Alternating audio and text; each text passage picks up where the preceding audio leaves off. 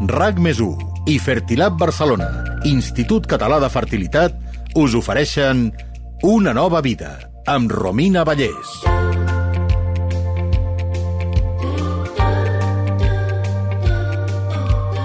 Família, dos punts. Grup de persones emparentades entre elles que viuen juntes. Durant molt de temps, aquestes persones emparentades es van definir socialment com una mare, un pare i els fills i les filles que naixien d'aquesta relació. Però aquesta composició s'ha anat adaptant als canvis socials, legislatius i també a l'avenç de les tècniques de reproducció assistida. Avui ja ens hem acostumat a conviure amb nous models de família, mares en solitari, parelles homosexuals, parelles heterosexuals, famílies trans... Però ens hi hem acostumat o encara hi ha estigma social? Com es viu des de dintre formar part d'alguna d'aquestes noves famílies? Com ho viuen els fills? Com pot ajudar la ciència a formar una d'aquestes famílies?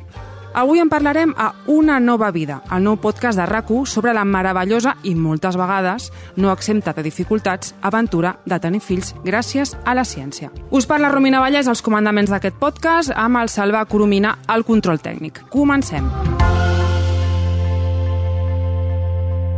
Ens acompanyen en primer lloc la Cati Pallàs, que és mare d'un noi de 15 anys. La Cati és també expresidenta de F... aviam si ho dic bé, FLG, Associació de Famílies LGTBI, correcte? Sí, correcte. I actual membre col·laboradora de l'entitat en tasques divulgatives i formatives. Què tal, Cati?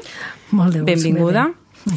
L'Alicia González és mare monoparental amb un infant de 5 anys i ja ho podem dir, avui ens ho acaba de comunicar, un altre que està en camí, una nena, felicitats. Exacte, moltes gràcies. De 14 setmanes.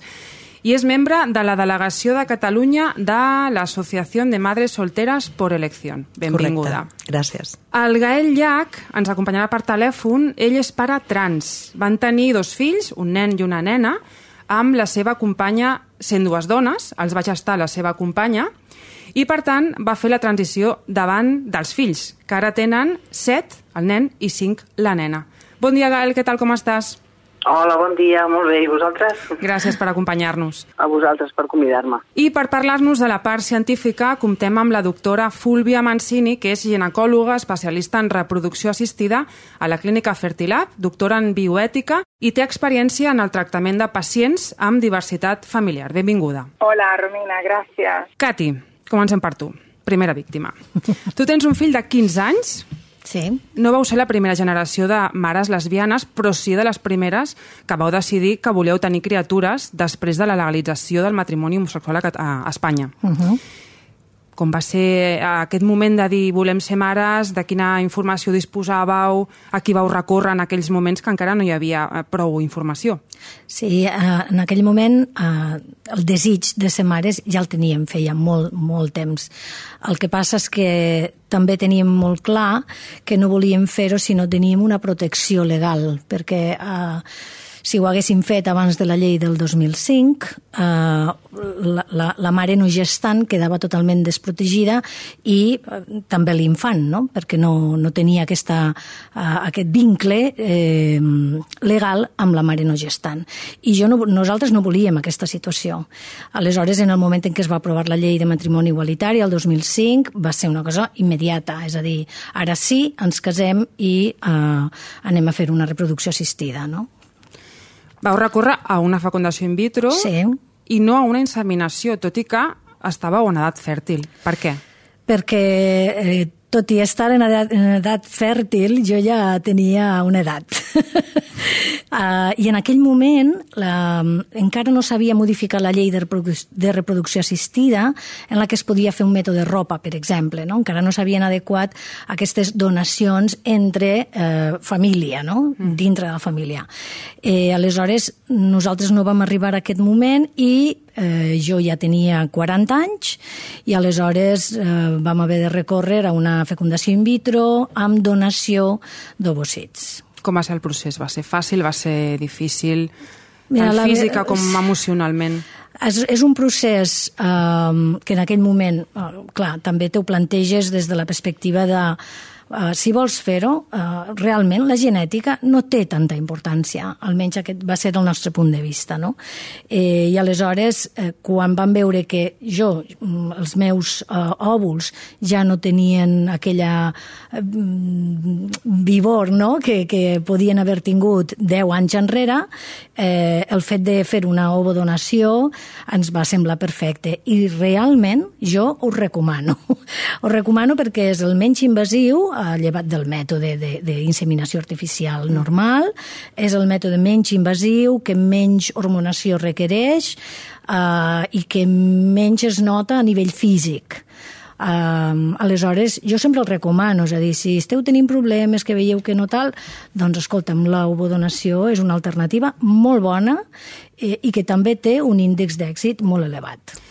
En algun moment del procés, eh, tant per, perquè comportava tot aquest procés físic i, i emocional, com pel que vindria després, no? educar un infant, explicar-li com és la seva família, i sobretot trobar-vos amb, amb algun tipus de discriminació o rebuig social. Sí. En algun moment vau tenir por? Al principi va ser bastant estressant, és a dir, el fet de... És molt curiós, no?, però per a nosaltres, les persones LGBTI, quan decidim tenir un fill en aquell moment, eh? ens hem de posar també en la distància temporal que, que necessitem. En aquell moment, eh, doncs, tampoc era una gran alegria el fet de dir eh, anem a ser mares per al nostre entorn, perquè era una manera d'evidenciar quin tipus de relació estàvem establint, quin tipus de família estàvem establint, i això seria a vista de tothom.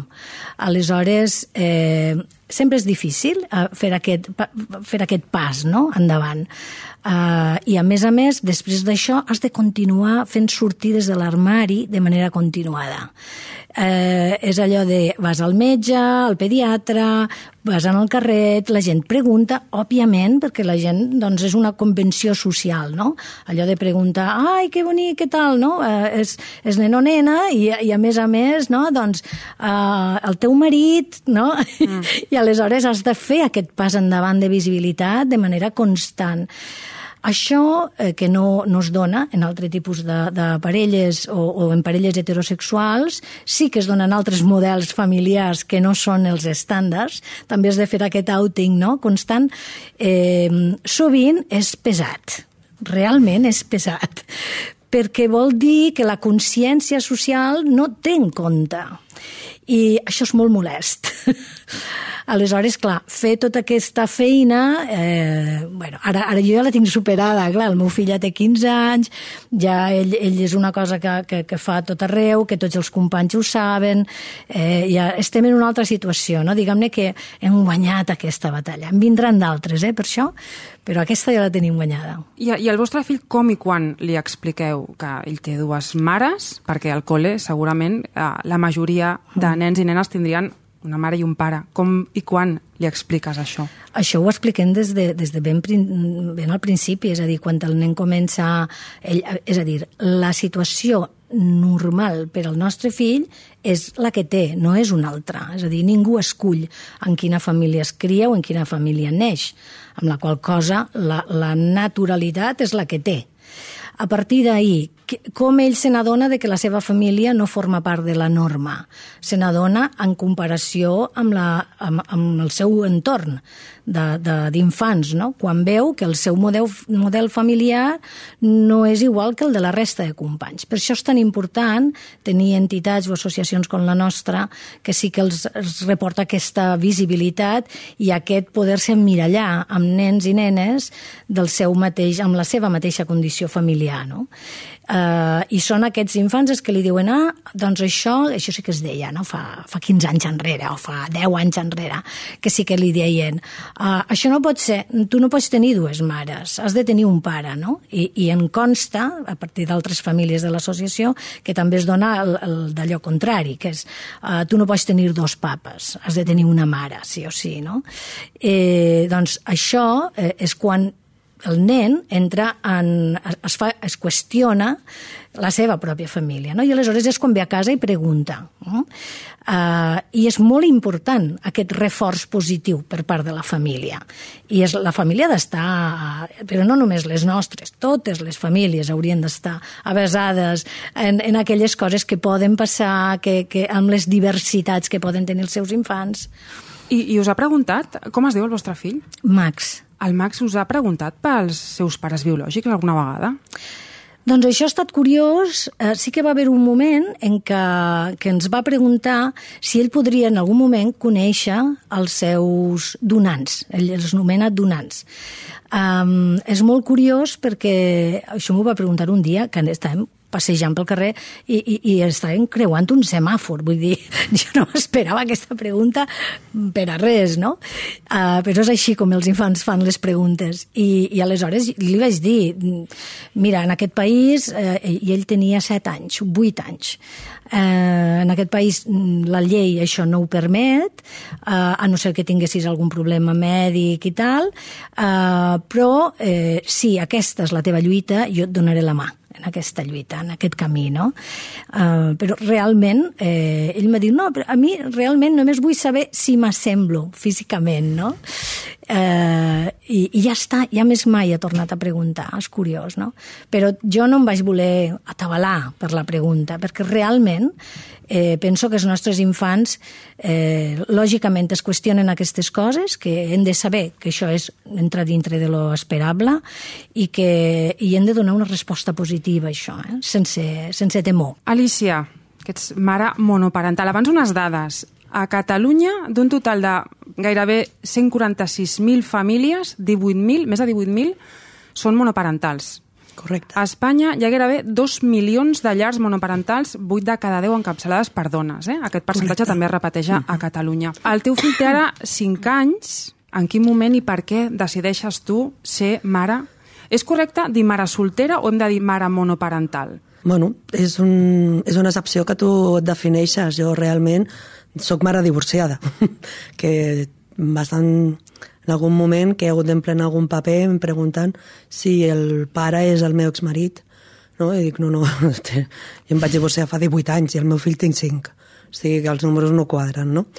Bueno, però mm, jo em reconec amb, amb les dues excepcions. O sigui, jo puc... eh, Si em dius mare soltera, em reconec. I si dius mare monoparental, em reconec. Em reconec també com a família monoparental. O sigui, jo em reconec com a família amb un únic progenitor. I així és com la Càtia ha explicat meravellosament que els dies expliquem als nostres fills. El meu fill coneix la seva història mm, de molt abans i fins i tot que pogués parlar. Jo li explicava el seu conte de com va néixer, on va néixer, com va arribar a, a formar part de la meva vida, amb les ganes que jo tenia de ser mare, i, i bueno, doncs, per què vaig decidir ser mare o per què vaig arribar en aquest punt, no? Perquè, bueno, doncs, eh, ens hem, hem comprat el model Disney, que donaria per molt això, ja, però hem comprat Sí. el model Disney i va arribar un moment que se'n va desmuntar i vaig haver-me de reeducar perquè estructuralment aquesta societat doncs, et porta una motxilla que sembles que has d'agafar i quan la vaig rebutjar doncs, em, va, em vaig donar compte que, bueno, que si volia ser mare no em podia perdre això i que havia de donar un pas endavant i que aquest pas passava per la reproducció assistida.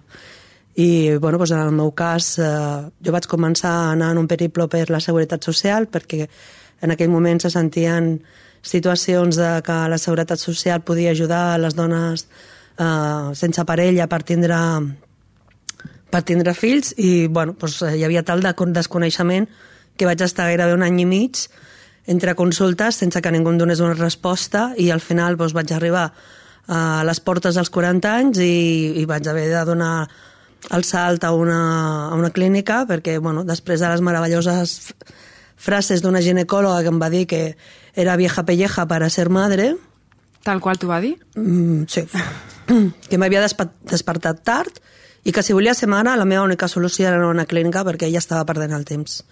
I dic, bueno, és que porto un any i mig mm, donant voltes per aquí que encara ningú m'ha donat una resposta. I bueno, Vas anar a la clínica i allà com va ser el procés? Bueno, mm, en el moment que m'hi vaig decidir anar a les clíniques, comença el periple de buscar pressupostos, d'entendre els pressupostos, de saber el que t'estan dient. Per això estic d'acord amb la Càtia que és superimportant tenir una tribu al costat que t'assessori i que, que estiguin a l'estar igual que tu eh, pots aunar esforços i sobretot poder parlar a algú, perquè això ho li expliques a les teves amigues i no entenen això. Pues, és que frases de l'estil de encara ets jove, ja trobaràs el teu amor, encara tens temps... Com que encara tinc temps? És que mm, ens ensenyen com no quedar-nos embarassades, hi ha molta formació sobre això, molta tasca divulgativa, però no hi ha cap tasca divulgativa de que passats els 35 anys la càrrega genètica comença a disminuir, que el, la taxa d'un 25% de, de natalitat de, de reproducció de l'espècie humana comença a baixar en picat i ha passat als 40 ni te cuento, vamos. Llavors, aquí hi ha una situació que, que jo, doncs, bueno, entre les meves amigues, ja quan passen els 35, els dic conserveu òvuls, congeleu òvuls, sisplau, criopreservació, perquè si no, al final et passa, doncs, bueno... A tu et va costar per això o no? Em va costar bastant, perquè vaig començar per inseminació, perquè, entre d'altres coses, tot i tenir 40 anys, eh, tenia uns valors eh, a priori doncs, molt bons, però, bueno, després s'ha vist que, que no tots els cossos són iguals i que no tothom respon igual amb uns mateixos criteris i que per molt que hi hagi uns protocols a les clíniques doncs s'ha de personalitzar el tractament. Al final vaig anar a fecundació in vitro i vaig tindre risc de sobreestimulació ovàrica i vam haver de parar tot el procés perquè bueno, estava en risc la meva vida i que t'ho expliquen però no t'ho creus que pot passar però va ser així i després de, de més d'un avortament, que va ser el pitjor moment de la meva vida, doncs, eh, i de, de, de trobar-te amb molta incomprensió, molta incomprensió al voltant, doncs eh, va arribar el moment que, que van passar les 8 setmanes, les 10 setmanes, les 12, les 20, les 25, les 30... Que no t'ho creus, que no t'ho creus, perquè com ja has passat tota aquella por i tot allò no t'ho creus, i al final pues, bueno, va aparèixer el meu fill i amb la il·lusió de tornar a ser mare, doncs ara ve la meva filla. I ara com t'ho has fet?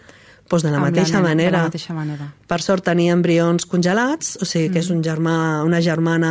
Tenies embrions que no pas òvuls, eh? Embrions congelats. Exacte, sí, perquè una vegada que fas fecundació in vitro, eh, bueno, van treure una borrada d'òvuls, mhm. -huh. van fecundar una borrada d'òvuls, van arribar a dia 5 a blastocits eh, una borrada d'òvuls i d'embrions, perdó, i llavors una vegada doncs, que et vaig posar un que no funciona, l'altre que tal, no sé què, bioquímics, un que arriba a bon puerto, doncs van quedar uns quants i ara doncs, eh, ve la meva nena. Molt bé.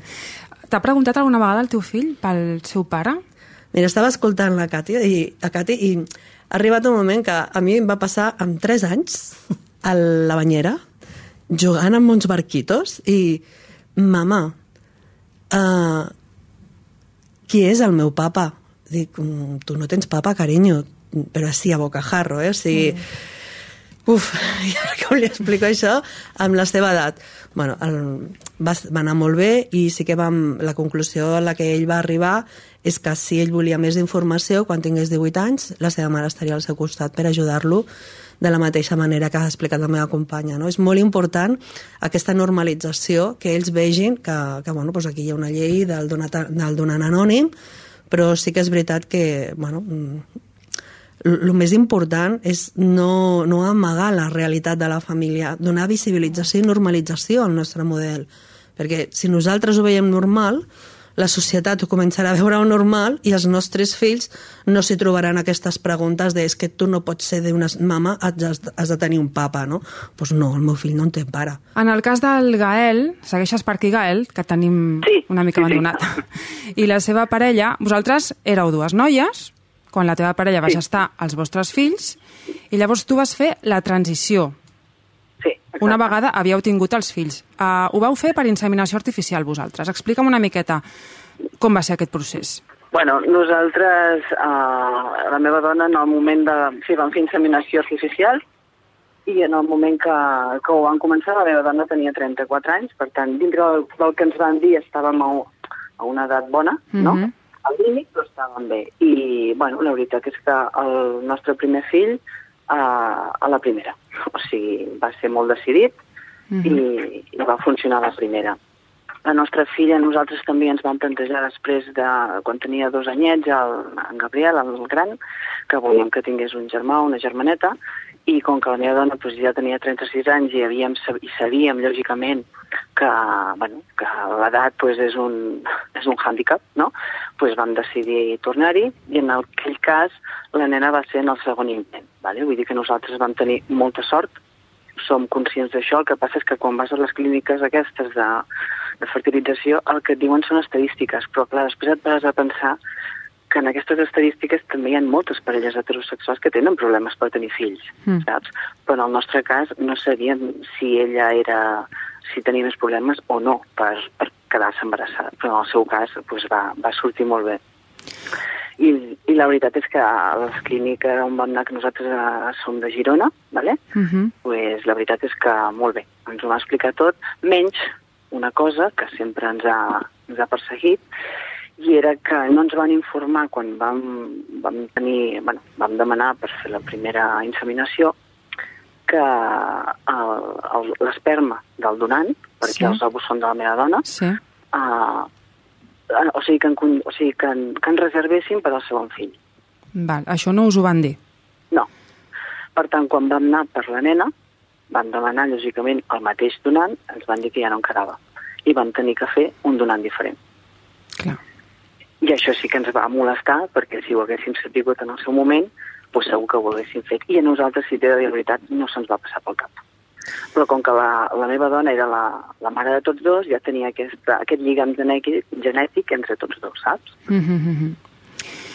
Ara parlarem d'aquesta manca d'informació també entre els professionals que us atenen amb, amb la doctora. Explica'm, quan vas fer la transició, com ho expliques als nens? Perquè, clar, ells et coneixien com a mare, imagino que van passar de dir-te mama a papa. Sí, sí, sí, i van ser, van ser ells els que em van ajudar a creure-m'ho i a que m'ho diguessin. Mira, el meu fill els hi vam dir, doncs jo ara fa, aquest octubre farà uns dos anys que estic amb, amb el tractament hormonal, però això ja va començar doncs, mig any abans, ¿vale? Sí. fa uns dos anys, farà uns dos anys i mig, a l'octubre. Uh, quan va començar, uh, primer de tot, bueno, primer ho has d'acceptar tu, o ho ha d'acceptar la teva dona, i saber el que estàs passant, ¿vale? però jo no tenia cap por en, en aquell moment que els meus fills no ho entendrien. Primera, perquè són petits, no tenen cap tipus de prejudici. I segona, perquè jo també tenia confiança de trobar la manera perquè ells ho entenguessin bé. I el meu fill en aquella, aquell moment tenia cap a 5 anys, la, la nena en tenia 3, i vam aprofitar un cap de setmana que vam anar bueno, de vacances uh, i uh, vam acordar amb la meva dona pues, es- que jo els explicaria una història perquè ells la poguessin entendre com un conte, no? I era la meva història des de ben petitó. En cap moment els hi vaig explicar, els hi vaig dir el meu nom ni com es deia el protagonista, sinó que els hi vaig explicar pues, que una nena, bueno, pues va néixer nena, però que sempre havia volgut ser un nen, jugava en coses de nens, bueno, etc. Vull dir, tot el que m'havia passat amb tota la meva vida, no? I, i al final, els, tots dos estaven absolutament atents, en cap moment allò van tenir ganes d'aixecar-se, bueno, va ser impressionant, em va encantar.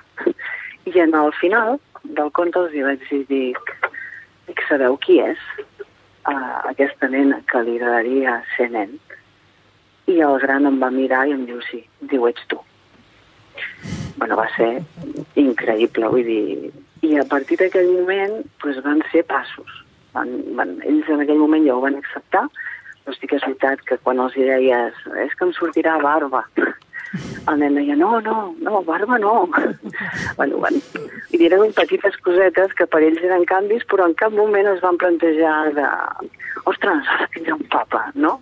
Va ser molt maco perquè jo els hi vaig dir, dic, mireu, dic, dic, si em voleu dir papa, o si voleu continuar dient-me mama, jo no, no us obligaré a res, vosaltres mateixos heu de decidir, de mica en mica, doncs tal, dir, amb, amb el seu idioma, lògicament. I des d'un dia, que no et puc dir quin, el gran ja em va començar a dir papa. I ara I ja, jo, ja estan acostumats a la barba, entenc.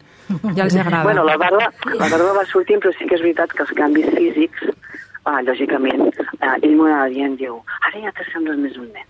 Mm. Ara, vull dir, clar, ell una, vegada, ell una vegada em diu, diu, et diré papa quan ja et surti barba.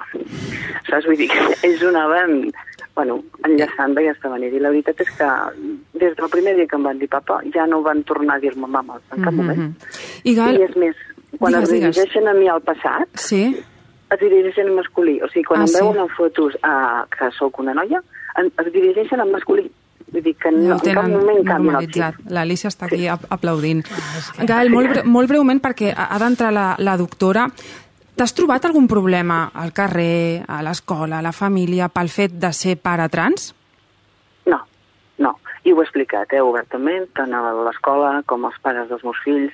Jo tinc un negoci propi, no me n'he amagat en el poble, la gent m'ho ha respectat i tot el contrari, o sigui, he rebut més persones que, que m'acompanyen, que agraeixen la meva visibilitat i tot, que no he trobat encara a dia d'avui, gràcies a Déu, cap insult ni cap pega. Vosaltres, Cati i Alicia, heu tingut algun problema d'aquest estil? La- L'Alicia diu que sí. Sí, jo quan vaig informar que estava embarassada al meu entorn em vaig trobar gent de l'estil que et deia que vas a criar un huérfano, eres una egoísta, solo piensas en ti. I, i bueno, mm, el més amorós eh, que va trencar tot això va ser el meu avi, que quan li vaig explicar però hija, no sabia que estaves eh, en pareja, que estaves casada, no, no, no m'he enterado. Diu, no, no, avi, ara mateix estic sense parella i es pot tenir fills sense parella. Y digo, pues muy bien, hija, si es lo que tú quieres, adelante. ¿Qué tal el tiempo por ahí? O sigui, va ser pues, pues, pues tal qual, no? I, i... Però sí que m'he trobat gent amb... Esto te lo, això t'ho has buscat tu, has de pitjugar, o sigui, unes expressions i unes maneres com si els fills no s'escollissin, o sigui, la meva condició no és diferent de cap altra família. En aquesta evolució de la definició de família, que veiem al principi, ha jugat un paper clau l'avenç, n'hem parlat, de les tècniques de reproducció assistida. Parlem amb la doctora Mancini. Doctora, us trobeu moltes persones dins d'aquests nous models de família que us venen a la clínica a demanar-vos ajuda? Sí, tenemos un incremento del número de pacientes, eh, sea las pacientes que escogen la maternidad en solitario, sea las parejas de mujeres. Y bueno, yo, por ejemplo, para daros dos datos, os puedo decir que en el promedio del año 2022 hemos hecho 78% de inseminaciones con semen de donante en mujeres sin pareja masculina y a mayo del 2023 estamos a un 87%, con un aumento entre abril y mayo del 82 al 94. Puede, yo creo, que sea un resultado también de la aprobación de la Ley de Igualdad de Género del 3 de marzo, que por fin eh, ha ayudado mucho en empujar este tema y es algo que nos alegramos muchísimo, evidentemente. Mhm. Aquestes persones que us venen arriben prou informades? A ver, eh, vienen informadas porque en la web hay mucho. También es verdad que el doctor Google a veces da desinformación. Mhm. Y hay un tema que es que eh, los eh, profesionales eh, a veces están informados y a veces no. Sí, ens, ens, la en, ens, en parlava, hospitales- ens en parlava l'Alicia ara fa un moment, de, del seu Ja. cas. Sí, sí.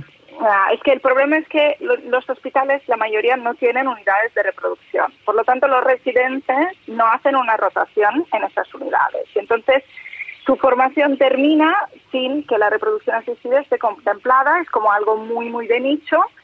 Y eso, claro, tiene unas consecuencias que pueden ser muy graves porque a veces hay retrasos en la puesta en marcha del tratamiento, el diagnóstico que no es correcto, unas incomprensiones que pueden ser muy graves, hasta el abandono del tratamiento, que es muy triste, ¿no? Entonces, eh, hay- luego hay profesionales maravillosos, evidentemente, pero es eh, la reproducción algo muy de nicho y es como que efectivamente pues las pacientes se tienen un poco como buscar la vida, ¿no? Y, y eso no es justo. Habría que intentar pues fomentar eh, que todos los profesionales eh, tengan la información correcta eh, de cara a la reproducción asistida. Mhm.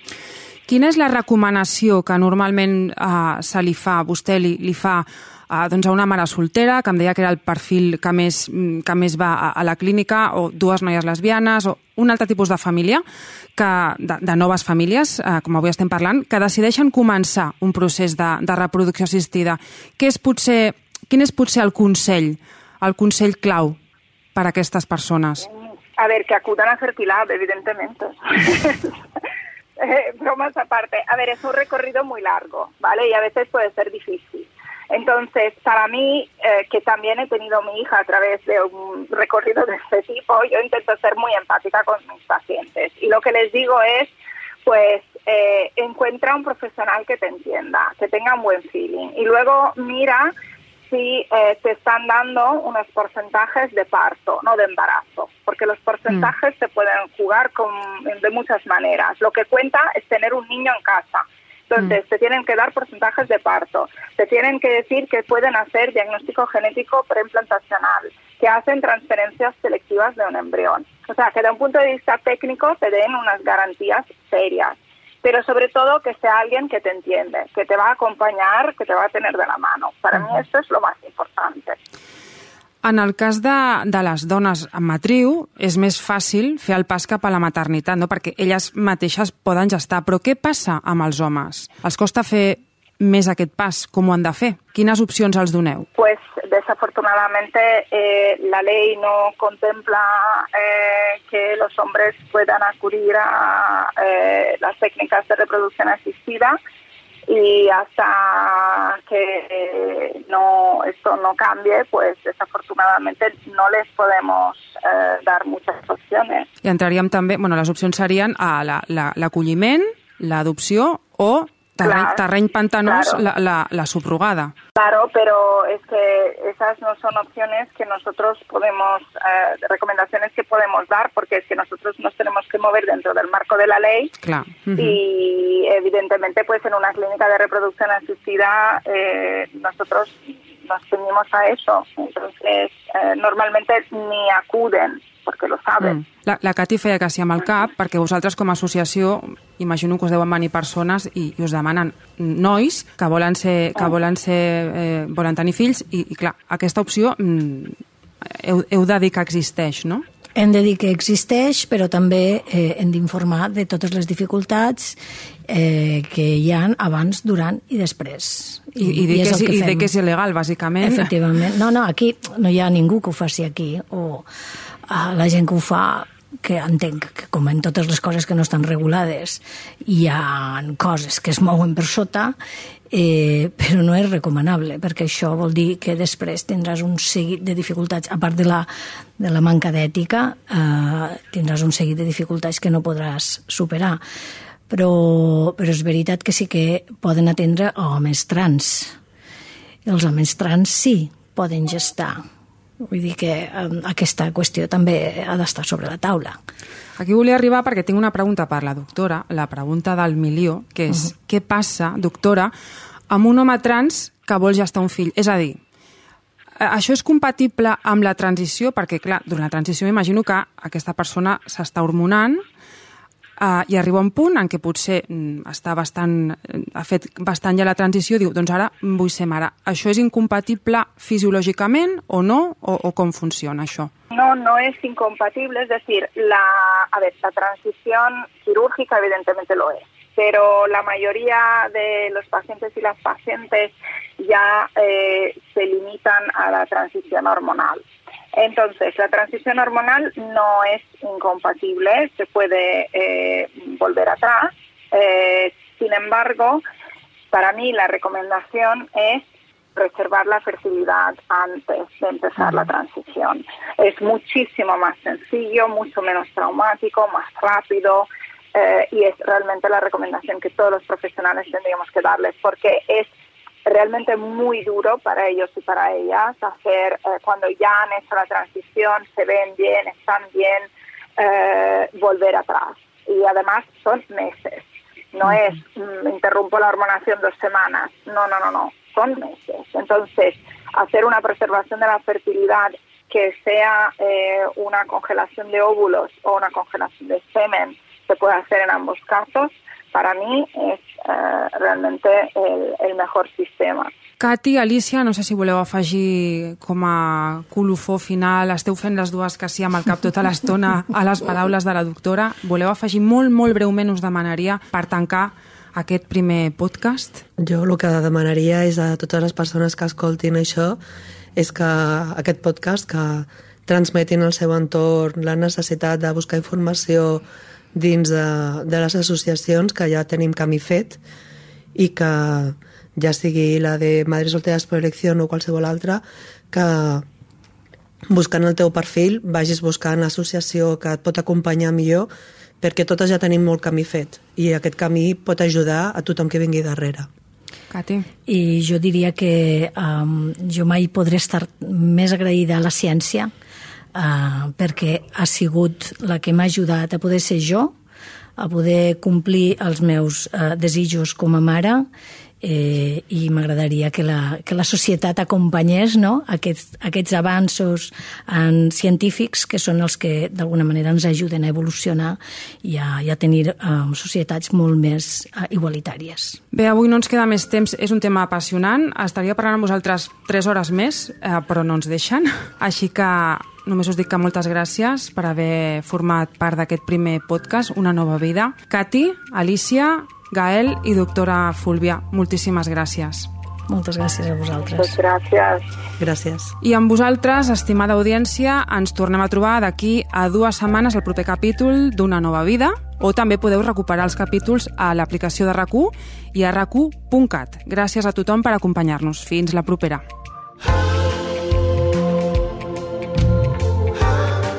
RAC més i Fertilab Barcelona, Institut Català de Fertilitat, us han ofert una nova vida amb Romina Vallès.